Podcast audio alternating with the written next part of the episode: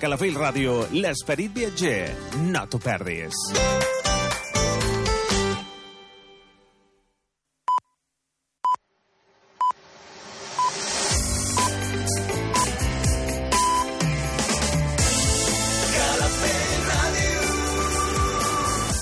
Són les 8. Escolta'ns a Calafell Ràdio, al 107.9 de la FM. Mira'ns al web calafell.tv. Sent Calafell allà on siguis. Calafell Ràdio, 107.9. L'Hora del Jazz. Un programa que t'apropa als millors compositors i les obres del gènere més rellevants. Ramon Robuster dirigeix i presenta L'Hora del Jazz, els dimecres de 8 de la tarda a 10 de la nit, amb repetició els diumenges a partir de les 11 de la nit.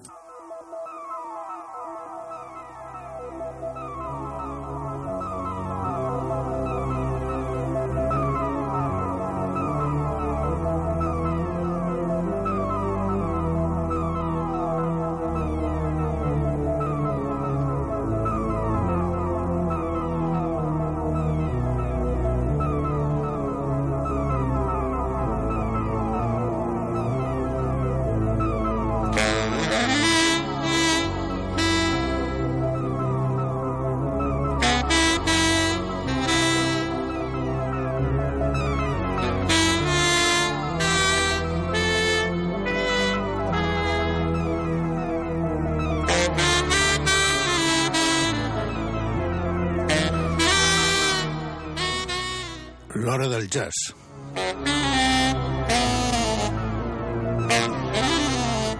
A l'Edu al control i Ramon Robuster amb els guions i el que us parla.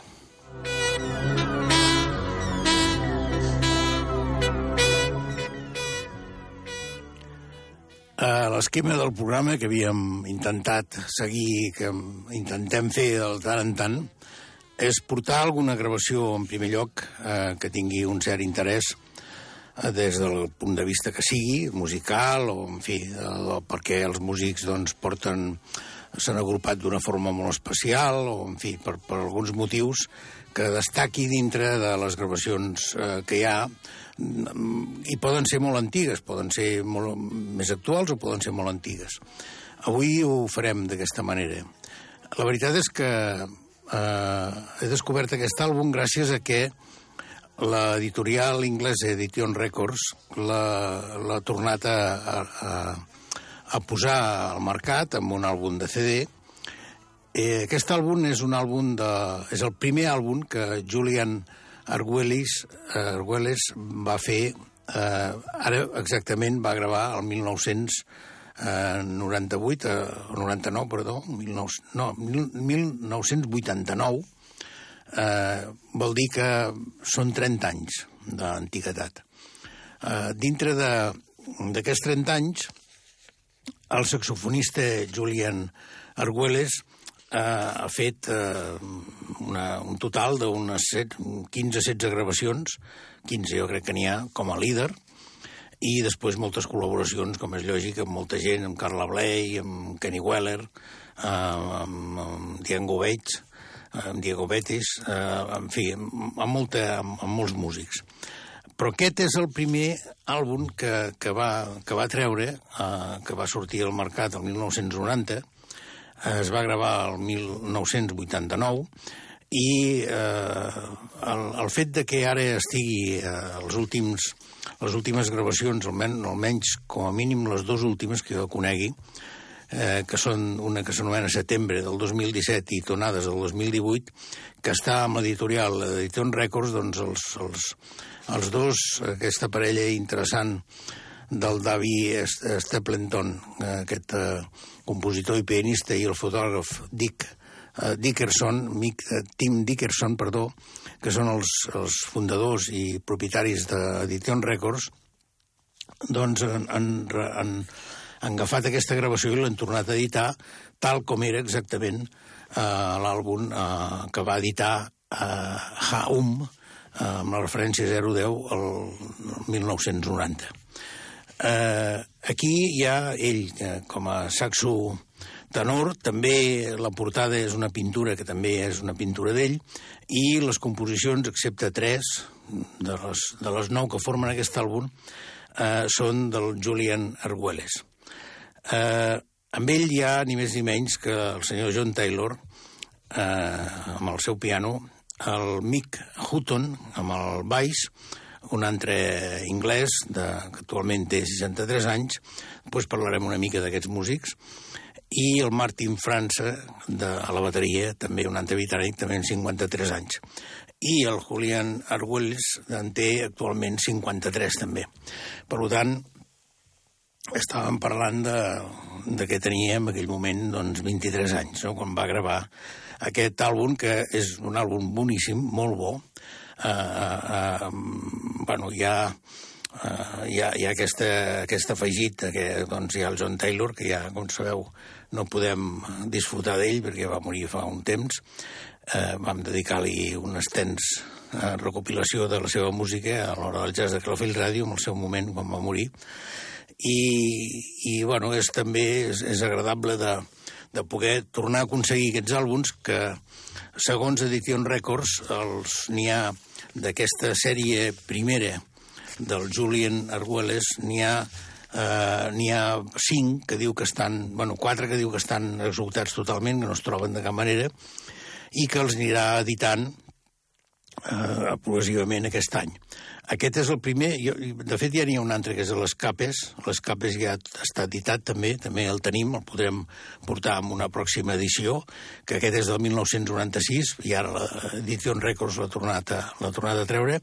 Després hi ha el que s'anomena, el que es, deia Home Trucks, eh, del 1995, eh, Vista de, de crani, un altre del 1997 i un altre que és Veus interiors del 2009. Aquests són els que reeditarà Edition Records i que podrem tornar a tindre. Suposo que la resta deuen estar encara disponibles, deuen poder trobar al mercat eh, d'aquests 15 que té editats eh, Julian Arguelles. Eh, anem per la primera composició, que és la que porta el nom de, de l'àlbum, que és eh, Fedrus, eh, que és una peça magnífica, com totes les eh, composicions de Julian Arguelles que formen aquest àlbum.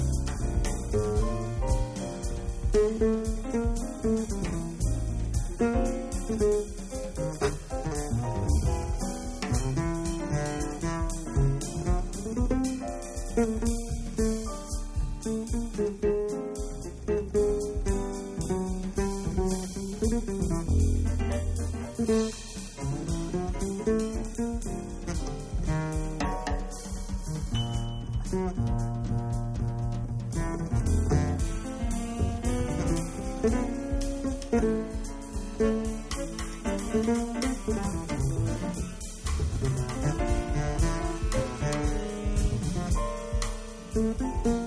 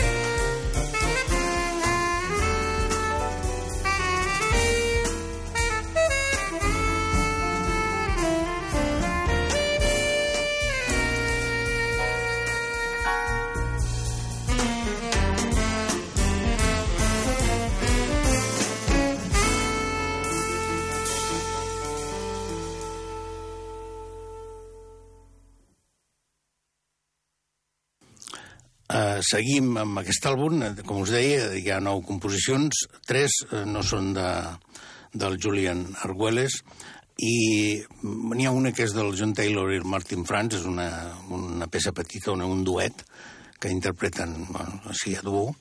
Després hi ha una del, del McGregor i una del Cole Porter, que és, és una, uh, una peça conegudíssima de Cole Porter però jo crec que és més interessant que escoltem les composicions d'ell, de, de Julian Arguelles. Eh, precisament diu d'aquesta que hem sentit, del Fredus, eh, que és un, la primera composició que va fer, i que continua sent una peça que actualment encara disfruta tocant-la i que, que, aquest, eh, que aquest disc eh, eh, eh, que és el primer com a ell com a líder, no? que, com hem comentat abans, eh, doncs eh, remarca que té aquest afegit del John Taylor que, que, bueno, que, que ja no podem doncs, que, que, que ja no podem disfrutar més d'ell, no?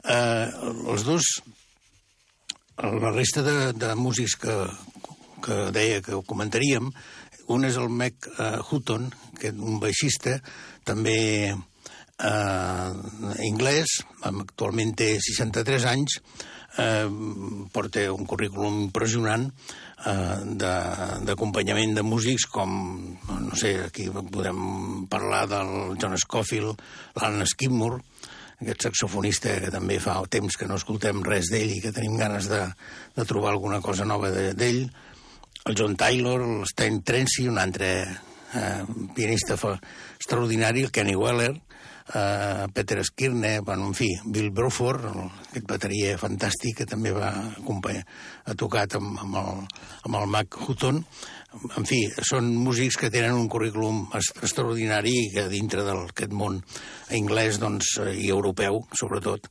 eh, destaquen d'una manera extraordinària. I l'altre component és el Martin Franz, aquest bateria també, que té 53 anys, igual que el Julian Arbules, per tant, aquest àlbum en tenia 23 quan va gravar. I també, a part de totes unes destacadíssimes aportacions amb, amb, amb orquestres sinfòniques com la de Luxemburg o la, la de Leipzig o la de London Symphony o la, la London Symphony, la National Orquestra, en fi, hi ha un munt d'aportacions d'aquest bateria amb, amb grans orquestres sinfòniques, eh, a part d'estar eh, amb molts de les gravacions i moltes actuacions amb ni més ni menys que amb l'Eric Anderson, per exemple, el Niels Peter Molwire, el John Surman, eh, Kenny Well també, el, el Douwe Wassentoff, el Ralph Turner, en fi, la Norma Winston, eh, aquesta extraordinària cantant que hem portat mm, infinitat de vegades aquí a l'hora del jazz, eh, el David Holland, en fi, tots, com veieu, eh, és una formació d'un quartet eh, meravellós i que eh, bueno, doncs tenim el, el, el hàndicap aquest del John Taylor, que no cal que comentem res d'ell, perquè hem parlat prou vegades a l'hora del jazz i tothom el tenim eh, com el gran pianista que va ser i gran compositor, i eh, aquest àlbum, doncs, tota aquesta unió d'aquests quatre músics, i per ser la primera de Julian Arguelles, jo crec que té una certa importància, i la reedició d'Edition Records és per treure del barret, perquè està molt bé, l'edició, eh, tècnicament està molt bé, i Uh, des, jo, jo crec que val la pena que entreu a dintre del, del, de la web d'Edition Records, la trobareu sense cap problema, posant el punt .com, i veureu que hi ha aproximadament uns 127 àlbums, uh, molts d'ells han passat per aquesta eh, Hora del Jazz de Calafell Ràdio. I suposo que en continuaran passant perquè és l'actualitat que hi ha de, molts, de moltes zones europees, zones nòrdiques, eh, Inglaterra, eh, Països Baixos, en fi, eh, Bèlgica, tot aquest sector, i Alemanya també, abarca moltes de les gravacions d'Edition Records i actualment és una referència total pel jazz europeu. Uh, seguim amb, amb una, una altra composició d'ell, del, de, del Julian, i aquesta s'anomena Red Rag. Thank you.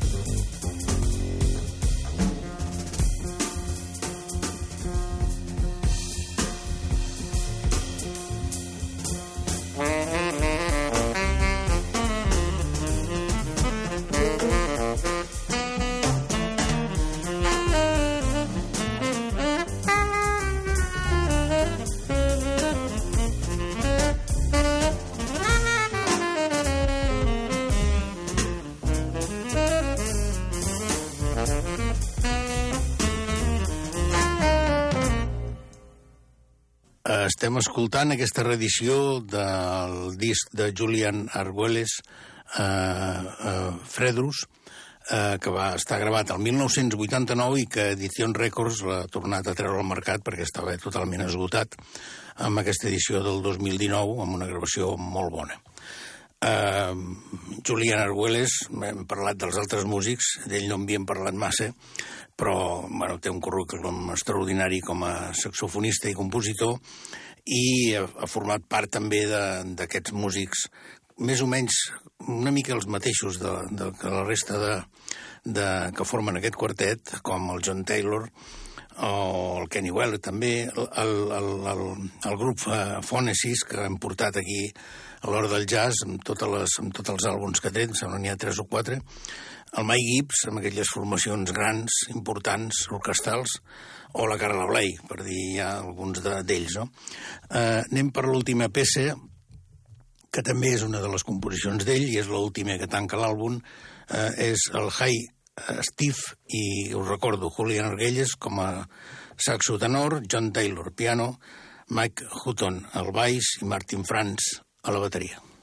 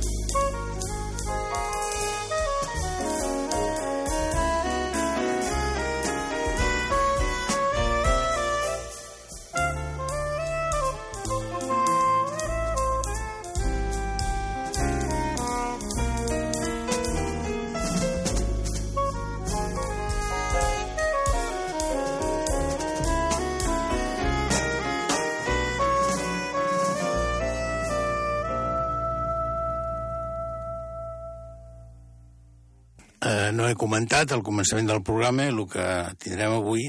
Eh, el que començarem a escoltar a partir d'ara és el senyor David Douglas amb un trio fantàstic i després no us perdeu avui el reste del programa perquè tenim una cosa d'excepció totalment eh, que és l'últim àlbum d'aquell Jarret que ha sortit fa 10 o 12 dies. Eh, L'escoltarem, són, dos, dos, són dos CDs, escoltarem una bona part d'aquests dos CDs d'aquesta gravació en directe de Múnich. Eh, anem per David Douglas. Amb David Douglas hi ha el senyor Uri Kane amb el seu piano, el David Douglas a la trompeta i Andreu eh, Cyril eh, amb la percussió. Això és un àlbum que s'anomena Devotion.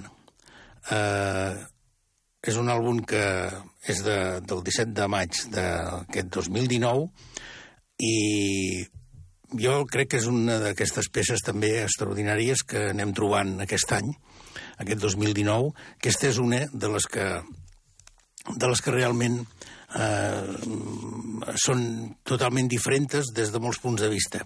Primer per la formació. David Douglas i Uri Kane havien tocat ja eh, en altres ocasions, hi ha un famós àlbum del 2014 eh, com a duo, amb duo, eh, entre el trompeta i piano, un àlbum molt, molt, molt bo, i aquesta vegada s'hi ha juntat un personatge eh, extraordinari que és l'Andreu Cyril, eh, aquesta bateria que dona un, una sofisticació totalment diferent eh, amb aquesta parella de grans músics, de grans eh, compositors i grans músics, perquè l'àlbum, bàsicament, excepte l'última composició, que és la que porta el nom de l'àlbum, Devotion, eh, és tota, totes les composicions són de, de David Douglas. I, i tot i que les composicions són de David Douglas i totes tenen uns certs arguments i unes, i unes estructures, ja veureu que l'aportació del Hurricane amb el piano eh, i l'Andreu Siglire és fantàstica, és extraordinària. Eh, pensem que Andreu Siglire, només per donar una petita referència, havia sigut un dels pianistes importants eh, de Cecil Taylor o de David Burrell o de o del uh, de Leo Smith, per, per dir alguns, però bàsicament per, quan parlem de que havia estat amb Cecil Taylor ja ens podem imaginar eh, les possibilitats infinites d'aquest gran bateria. Anem per la primera composició, que us he triat és la número 2 de 10 que formen aquest àlbum. És una dedicada al pianista Franco de Andrea i s'anomena De Andrea.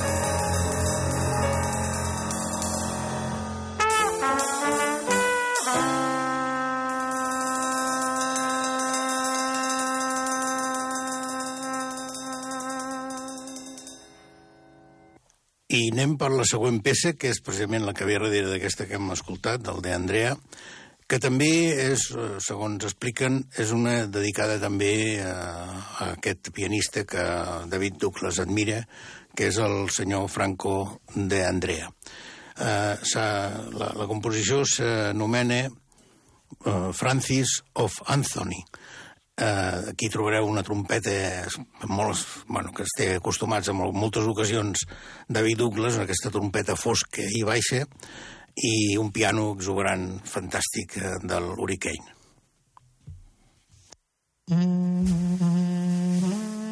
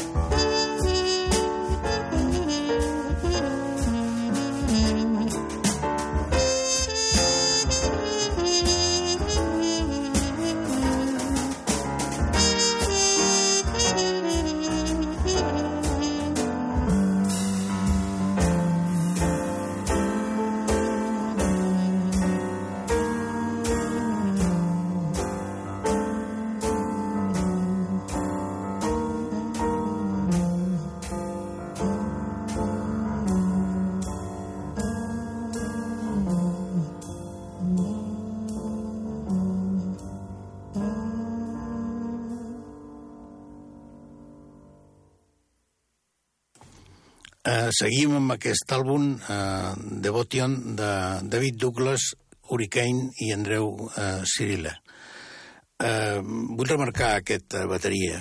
Eh, pareu atenció amb ell, amb totes aquestes composicions que anem escoltant, perquè veure, no, no, és, no és fàcil escoltar... No, no, no, bueno, últimament no, no tinc masses gravacions que hi hagi l'Andreu Cirilla. Uh, fa uns anys sí que hi havia una densitat enorme d'aportacions d'aquest bateria. El fet de que David Douglas l'invités amb aquesta formació jo crec que és, marca un hit extraordinari per aquesta gravació d'aquest 2019 del David Douglas i l'Hurricane que ja els coneixíem junts, però aquesta aportació, com he dit al començament, és brutal.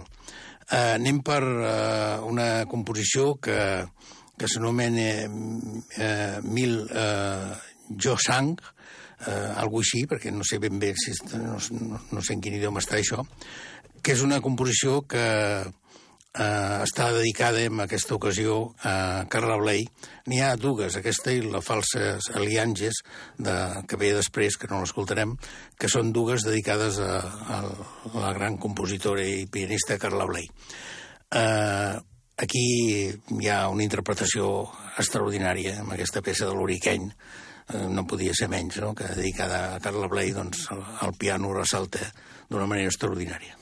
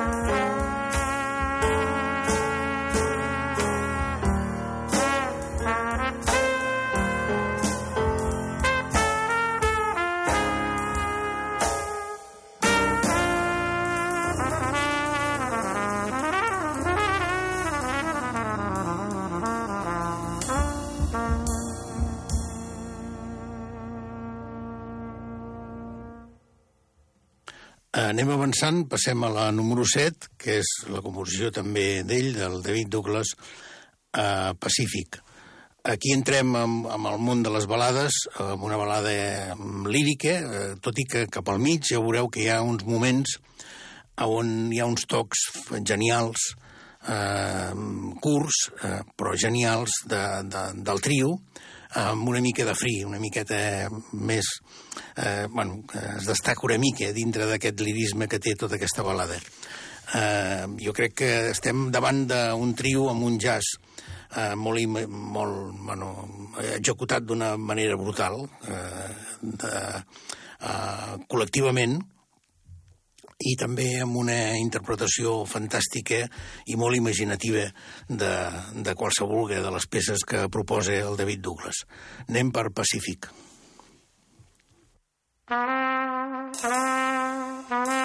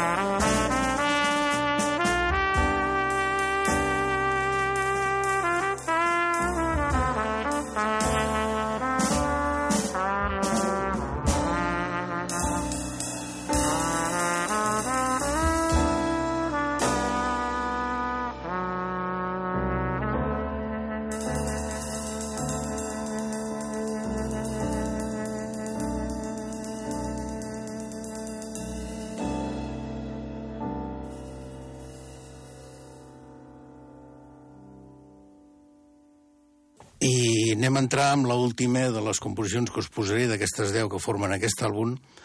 És també una balada eh, amb una melodia simple, que almenys al començament sembla una melodia simple, eh, amb molta sensibilitat, molt càlida, i que, segons expliquen, està dedicada al gran mestre, el Dizzy Gillespie.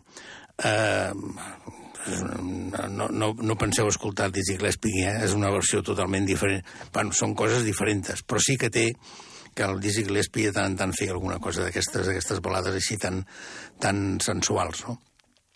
Eh, S'anomena eh, We Pray, és també eh, una de les composicions de David Douglas, i només per tancar aquest àlbum, eh, dintre de les eh, cròniques que, que he trobat a dintre la web de David Douglas sobre aquest àlbum hi ha una que m'ha cridat l'atenció, està bueno, és, és simpàtica, que és del Marc eh, Corroto, del Hal Abut Jazz, que diu si el màxim compliment que es pot pagar a una gravació és que la podeu escoltar repetidament tot el dia, agafeu una cadira i comenceu. Eh, nosaltres ho hem fet i realment sí, és veritat. És un, és un àlbum totalment intemporal. D'aquí molts anys, no sé quants, és igual, el podrem tornar a posar, sempre ens sorprendrà.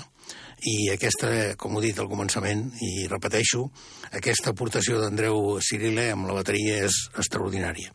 Anem per We Pray i deixem aquest àlbum fantàstic que recomano totalment per aquest 2019.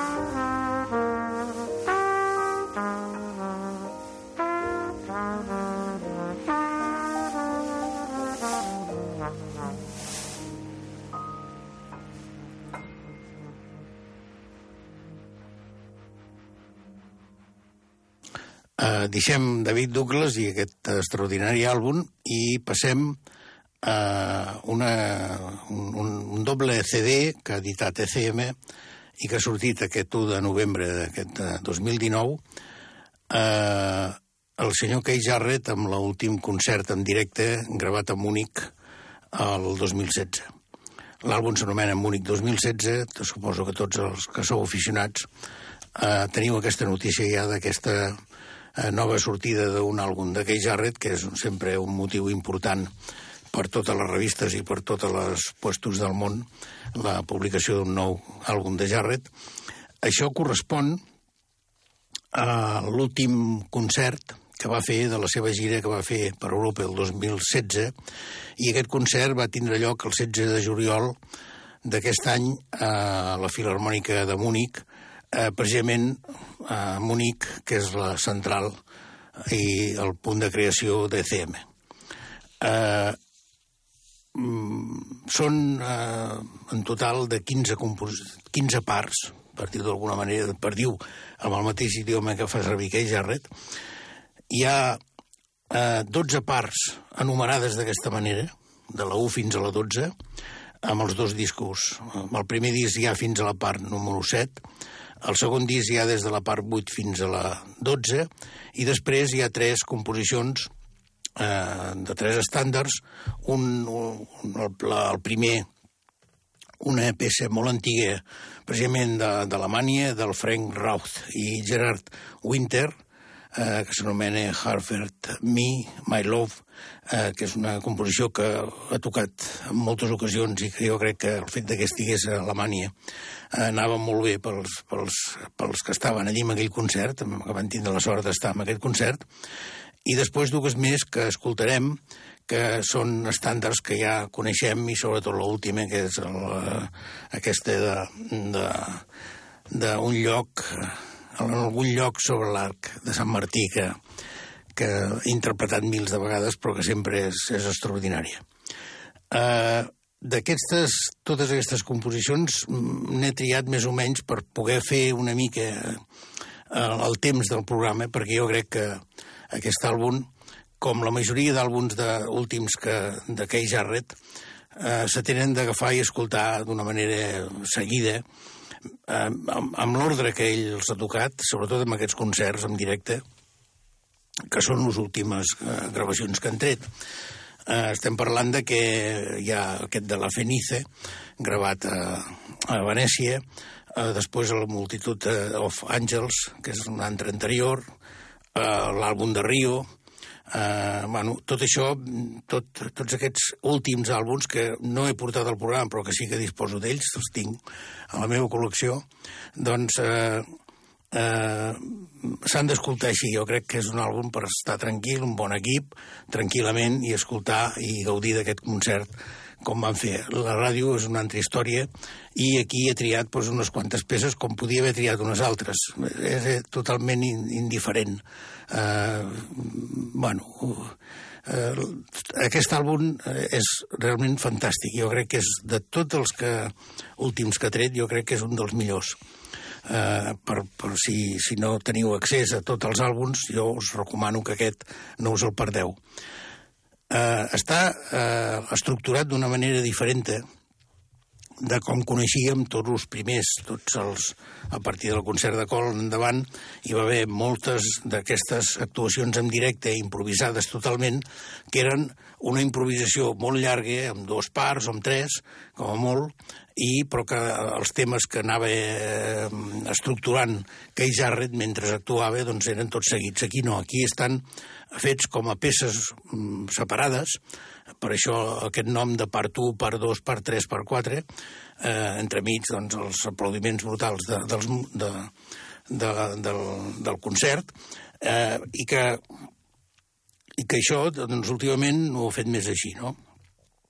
Eh, té el valor també de que, no sé si últimament ha actuat massa Kay Jarrett, eh, després d'aquells problemes que va tindre fa uns anys que el van apartar totalment de, de problemes eh, de, de tema físic, eh, d'enfermetat de, doncs de, de, que li impedia tocar, no? Eh, eh, després hi va haver aquesta recuperació, aquest va ser un dels, de les gires de després de la recuperació fantàstiques i no tinc massa coneixement si últimament ha fet algun concert, o gravacions no, per suposat, perquè no estan, no estan, eh, no han sortit, no?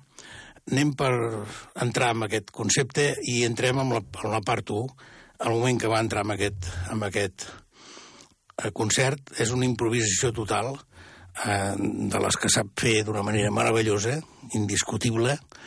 Són quasi 14 minuts i bé, jo crec que eh, no sé, és que és tan extraordinari tot aquest àlbum que no, no cal que us digui més objectius perquè val més que escoltem la música. Anem per aquesta primera part.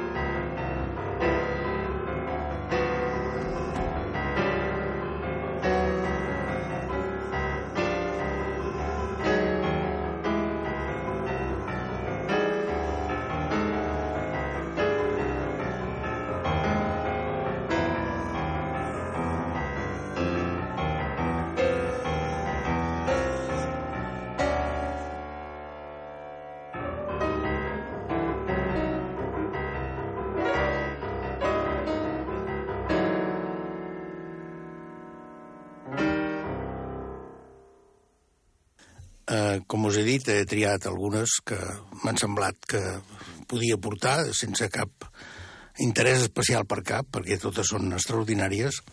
Eh, anem per la número 5, la composició, la part número 5. Eh, abans de que això hi ha un blues, per exemple, eh, aquests bluesos fantàstics que sempre improvisa Kay Jarrett, hi ha també alguna peça tipus una mica de marxa de boogie-boogie, hi ha una mica de folk, per dir-ho d'alguna forma també, hi ha una mica de gospel, poder.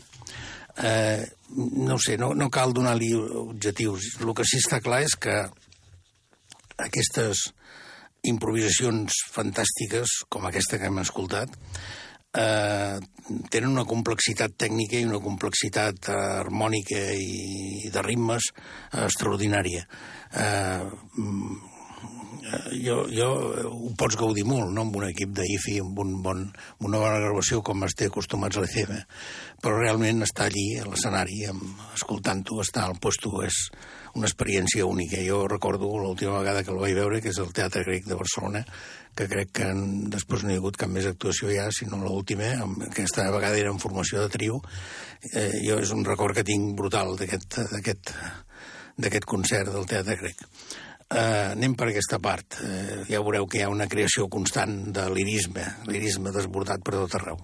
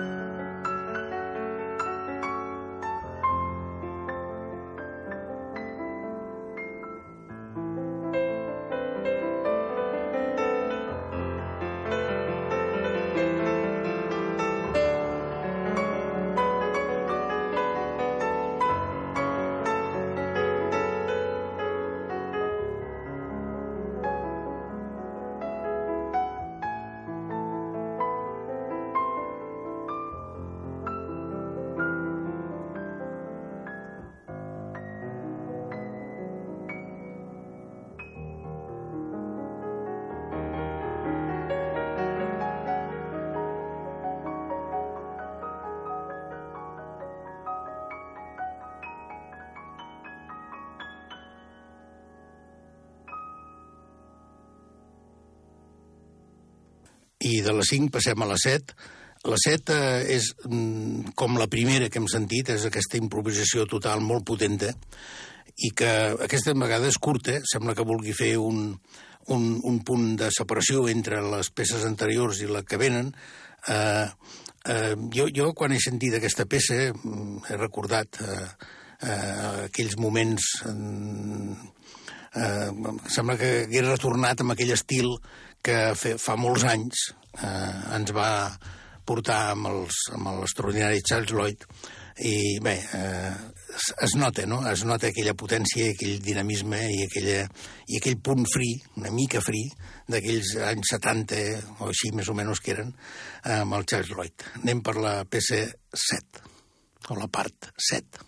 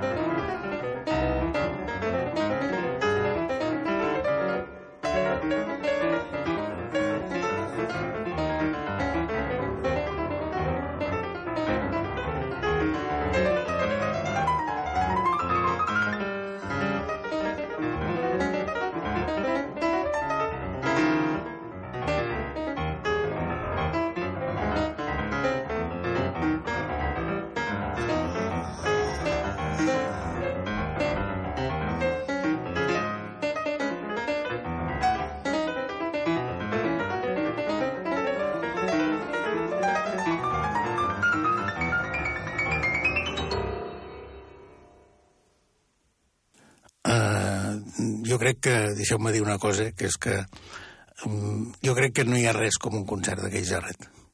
Uh, i, i, I poder, vaig a dir més, poder um, inclús en solitari. Uh, no amb el trio o amb altres formacions, sinó en solitari. Aquest és l'últim que podem disfrutar d'ell, és bastant recent, és del 2016, ja us he dit, ha gravat el 16 de juliol del 2016 a la Filarmònica de Múnich, i és indiscutible una compra, bueno, per, si voleu regalar alguna cosa extraordinària aquest, aquests Nadals, penseu en aquest àlbum. Que, per cert, està editat amb, do, amb doble CD i també amb doble LP, i el doble LP, després de... Avui, quin dia som? Uh, avui som dia 13, no? Això va sortir uh, fa 12 dies. Doncs, pues, bueno, els LPs ja no, en aquest moment ja no es poden comprar, estan agotats totalment suposo que ECM prendrà les mesures que ha de prendre, que és reeditant, no? I, i pròximament estaran a la venda, igual que pròximament, eh, segons la web d'ECM, hi haurà un d'aquests concerts extraordinaris que també el traurà amb edició amb LP. Els LPs són la realitat més extraordinària de la música, tal com la podem reproduir de la forma més, més bona i més, més, més autèntica, i jo crec que ECM ho està, ho està notant. Uh, anem per la peça número 10, una peça d'aquestes també d'avantguàrdia total i fantàstica també, com totes.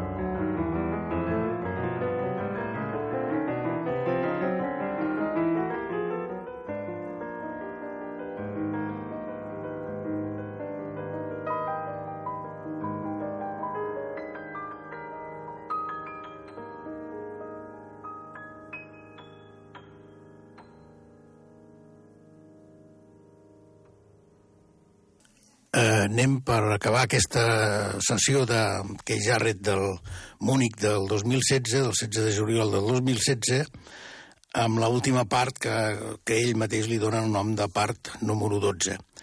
Eh, torna a ser una d'aquestes improvisacions d'avantguàrdia, eh, que, com vàries que n'hi ha amb aquest àlbum, jo crec que aquest és un bon tancament de tota aquesta sèrie de, de 12 parts diferents, eh, i després passarem a unes coses molt relaxants, molt suaus i molt agradables i que, més, i que coneixem una mica més d'aquell Jarret. Anem per la part 12.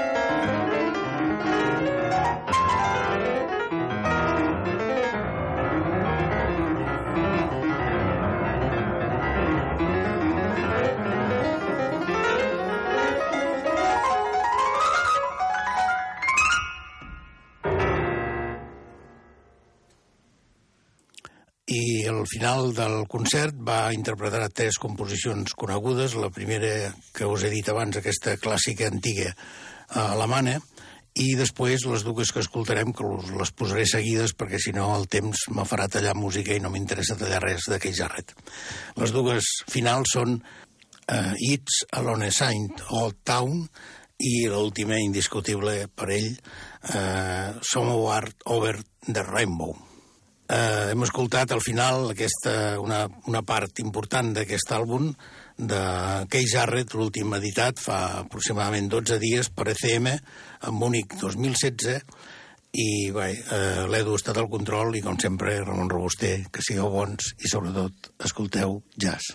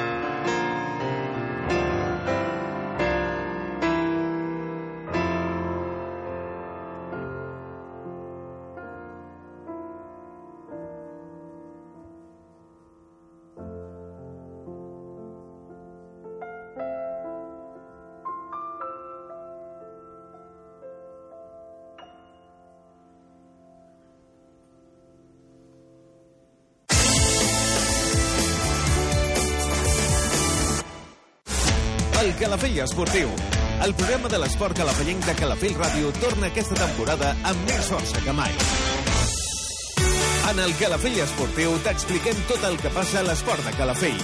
30 minuts amb els seus protagonistes, reportatges, entrevistes i tota l'actualitat. Calafell Esportiu. De dilluns a divendres a la una del migdia i a les 7 de la tarda en repetició. Calafell Esportiu, amb Arnau Casals.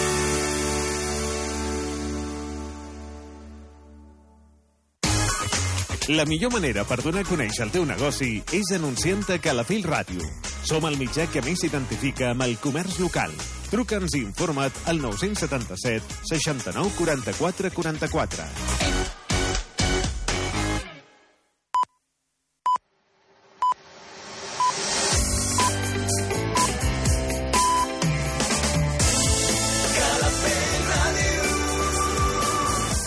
Són